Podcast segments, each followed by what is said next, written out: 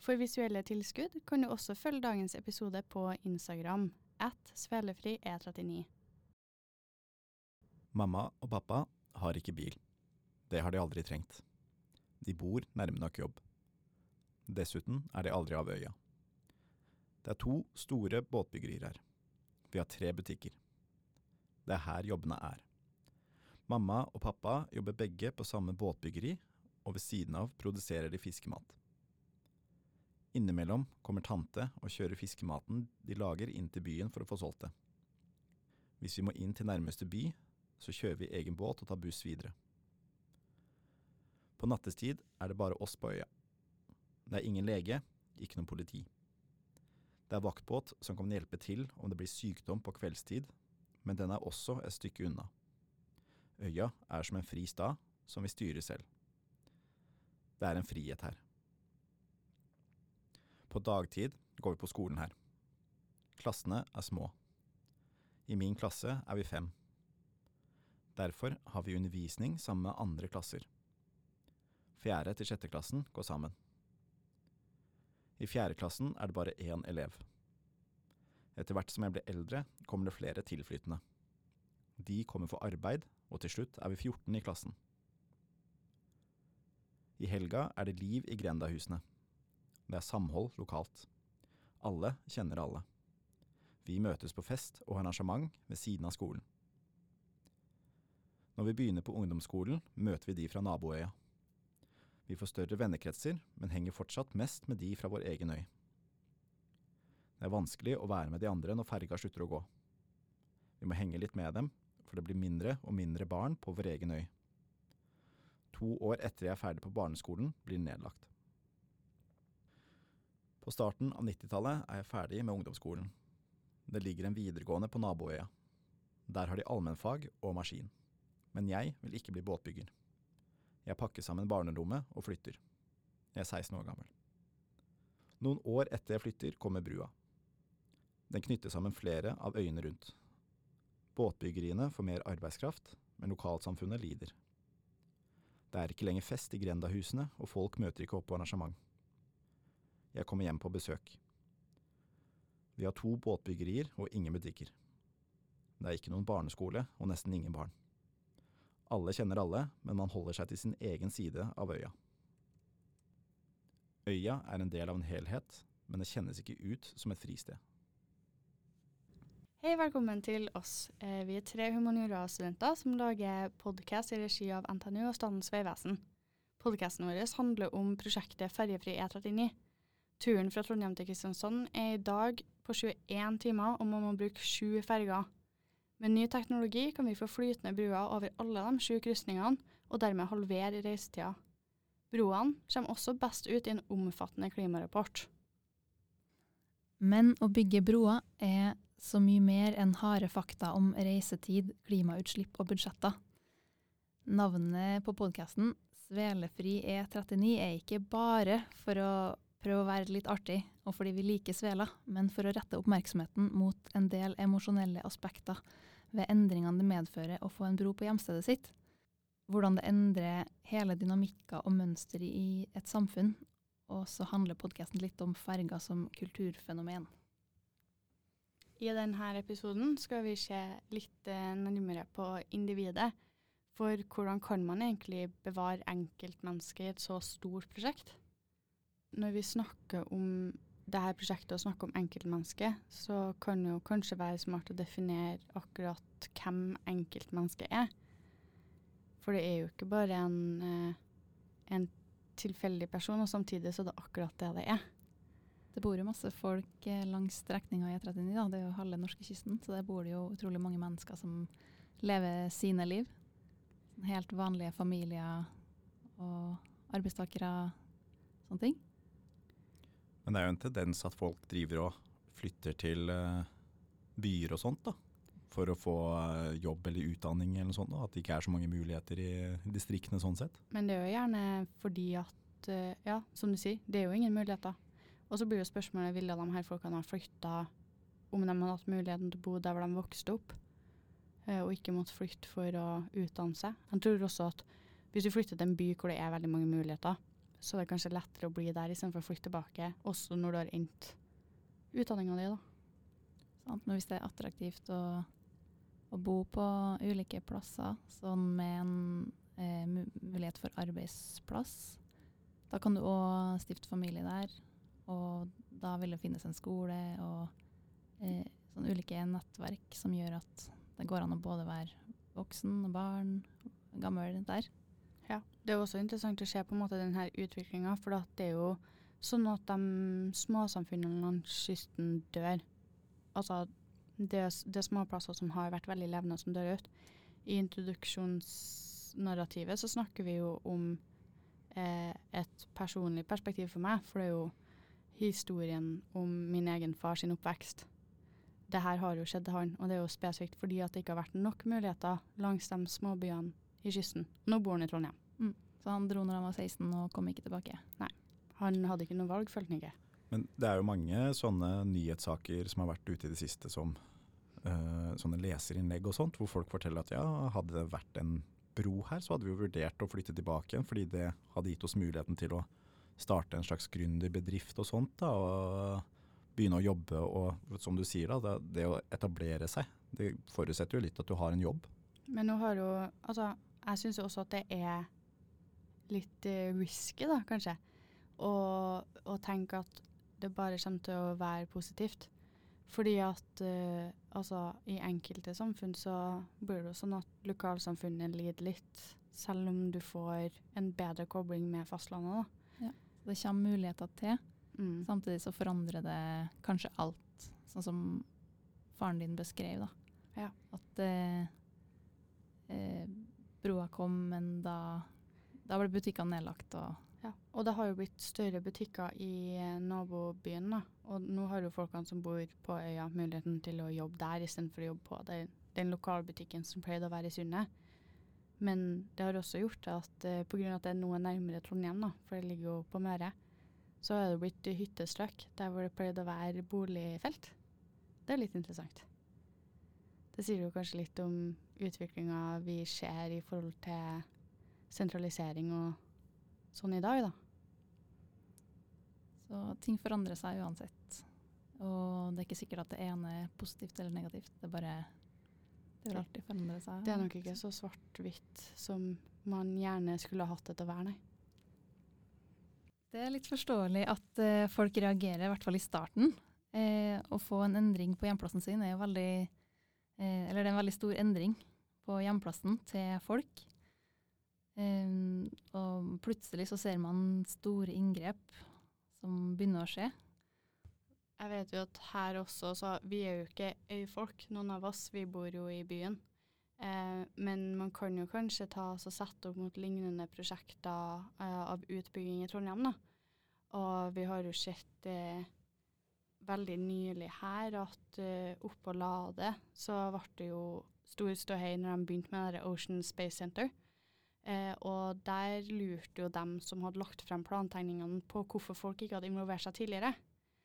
Og eh, da er jo spørsmålet om kanskje det er kommunikasjonen det er noe galt med.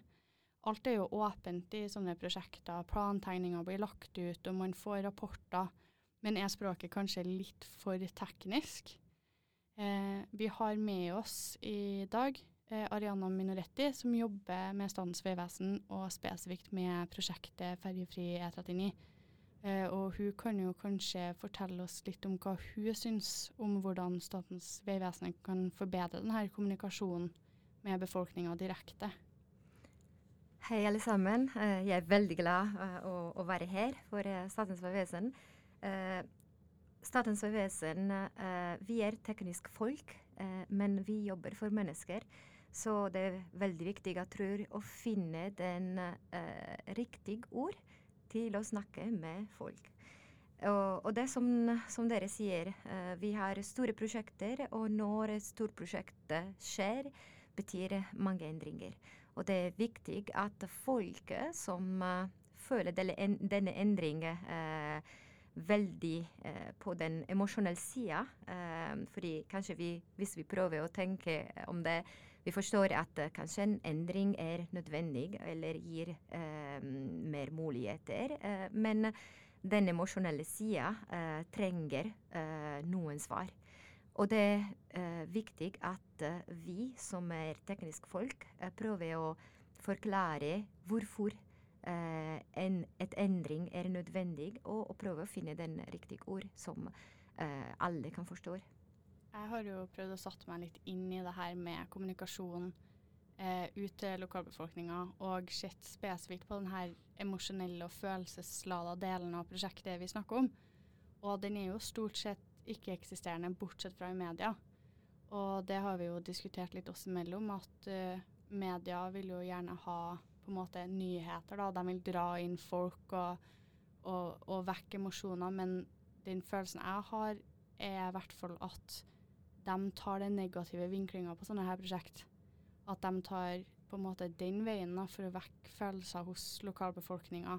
Og da blir det veldig mye negativt, negativt, negativt. Og så blir det kanskje vanskelig for enkeltmennesket å finne seg frem i de tekniske rapportene for å finne de positive utfallene, og se lenger enn akkurat hva det er som skjer her og nå, og heller se på OK, hva kan prosjektet bringe for framtida mi, og hva, hva er ting vi må, vi må gi opp nå for å få bedre endringer tilbake, da. Ja, det er som det. Um, jeg tror at uh, negative nyheter er alltid mer oppmerksomhet enn positive nyheter.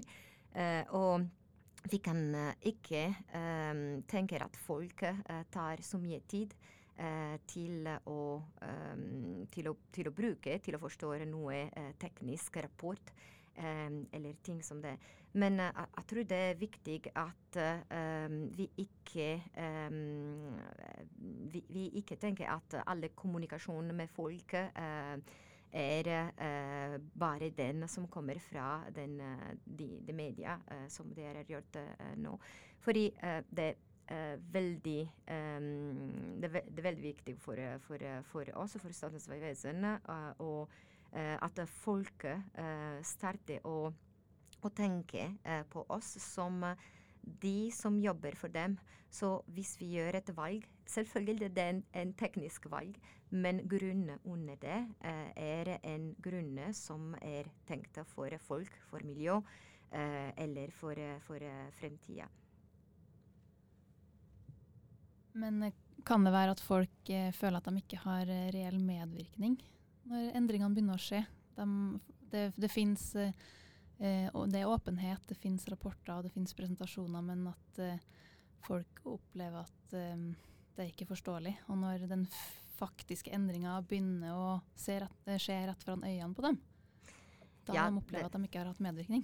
Ja, det, det, det er som det. Um, det er veldig vanskelig uh, noen ganger å, å gi en uh, som uh, komplett idé om en endring uten å bruke tekniske ord. Men vi må finne en vei. Uh, og det må være uh, tidlig, for jeg tror at uh, folk trenger tida til å starte å tenke om hva betyr en, en endring for dem.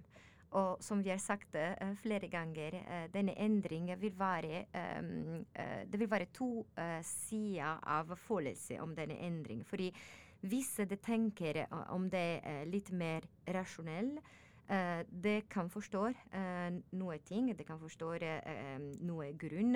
det kan forstå at kanskje en valg eller et andre er mer miljøvennlig, eller det kan spare penger på en vei eller et andre. Men det er også en litt mer emosjonell side som vi må ta inn i diskusjonen. og noen ganger å prøve å involvere folk fra, fra starten. Um, vi kan finne uh, noe vei. Det kan være um, flere ganger det bare å finne noe i uh, denne endring hvor folk uh, føler at denne endring er også noe som kommer fra dem. Det kan være en farge som husker dem noe spesielt på denne øya eller denne sted. Det kan være et element som er den samme element som du finner i, i, på den historiske samfunnet der. Så det kan være flere liten ting som kanskje er ikke så tekniske, men uh, det kan uh, involvere folk fra starten. Og jeg tror at resultatet kan være veldig forskjellig. Men altså Jeg syns jo at um, Eller det, det, jeg tenker om dette her, da, når det kommer til medvirkning og sånt, det er jo at uh, man har jo ganske mange Statens vegvesen har jo, som alle andre egentlig, organer som bygger ut og sånt, da. Man har et lovverk å forholde seg til, da, og man har jo gjerne utredninger og ganske lang liste med ting som skal gjøres for å sikre at folk får ting med seg.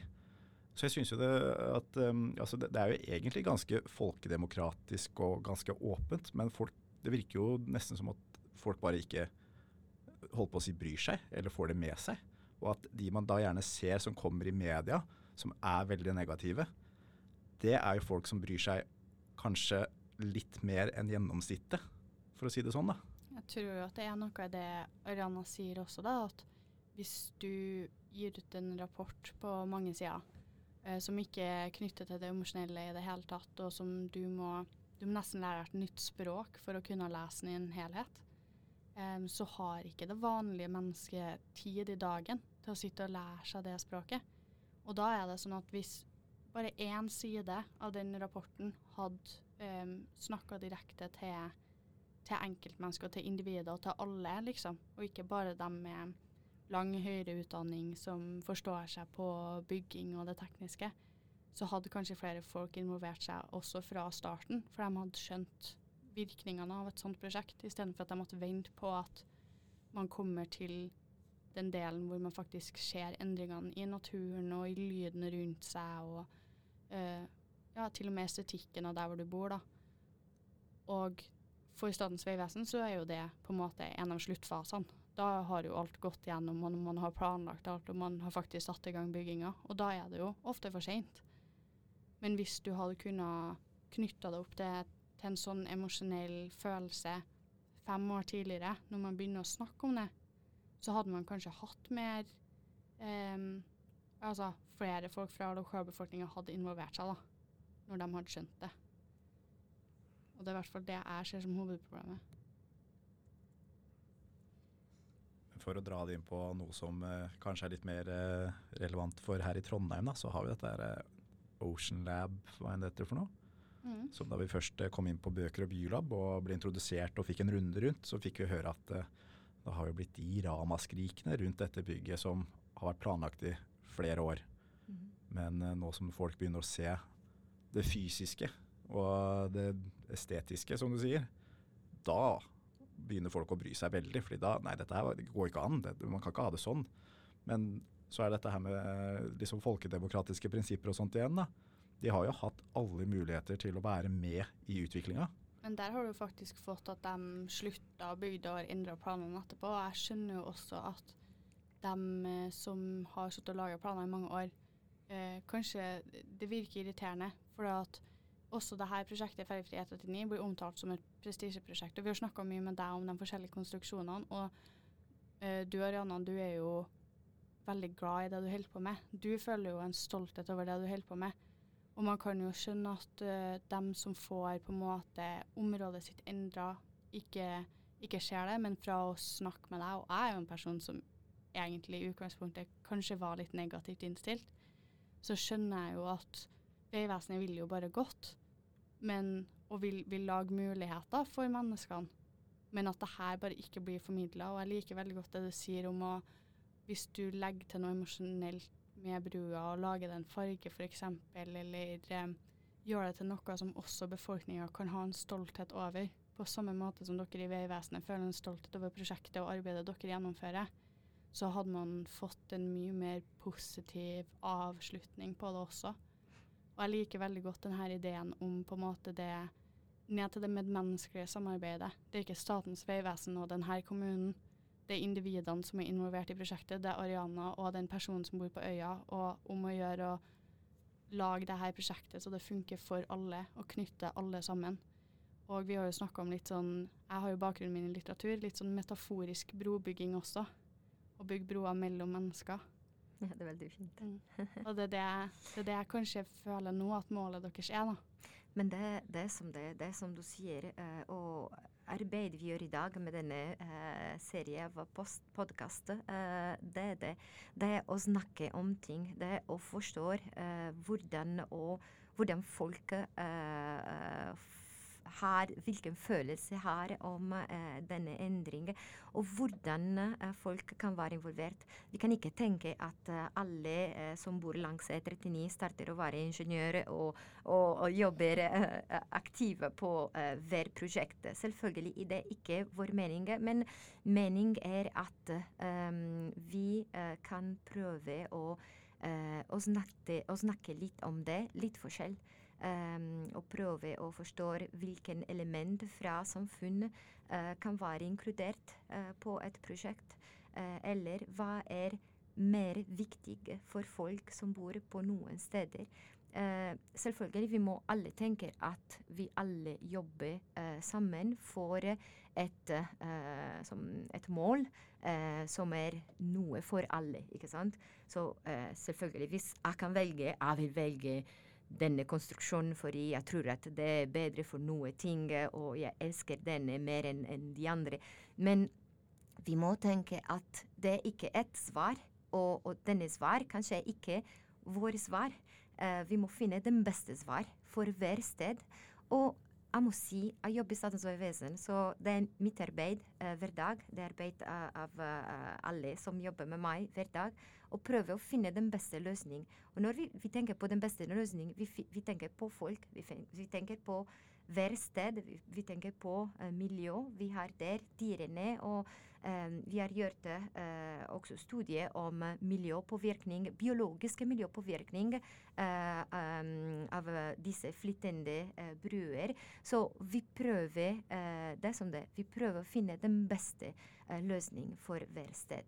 Og det er veldig viktig for, oss. Så vår mål er den samme mål for, av folk som bor der. Så vi jobber på den samme båt, hvis vi kan si. Så det er veldig viktig at vi prøver å finne eh, den samme, eh, en vei til å kommunisere bedre. I denne episoden har vi introdusert prosjektet Ferjefri E39 og satt det i perspektiv av individene et sånt her prosjekt berører. Vi har lagt spesiell vekt på kommunikasjonsmanglene mellom store bedrifter og enkeltmennesker. Men hvorfor er det individuelle perspektivet så varierende, og hva alle de her følelsene rota i? I neste episode ser vi tilbake på det historiske perspektivet for et innblikk i hvorfor endring er så vanskelig å godta.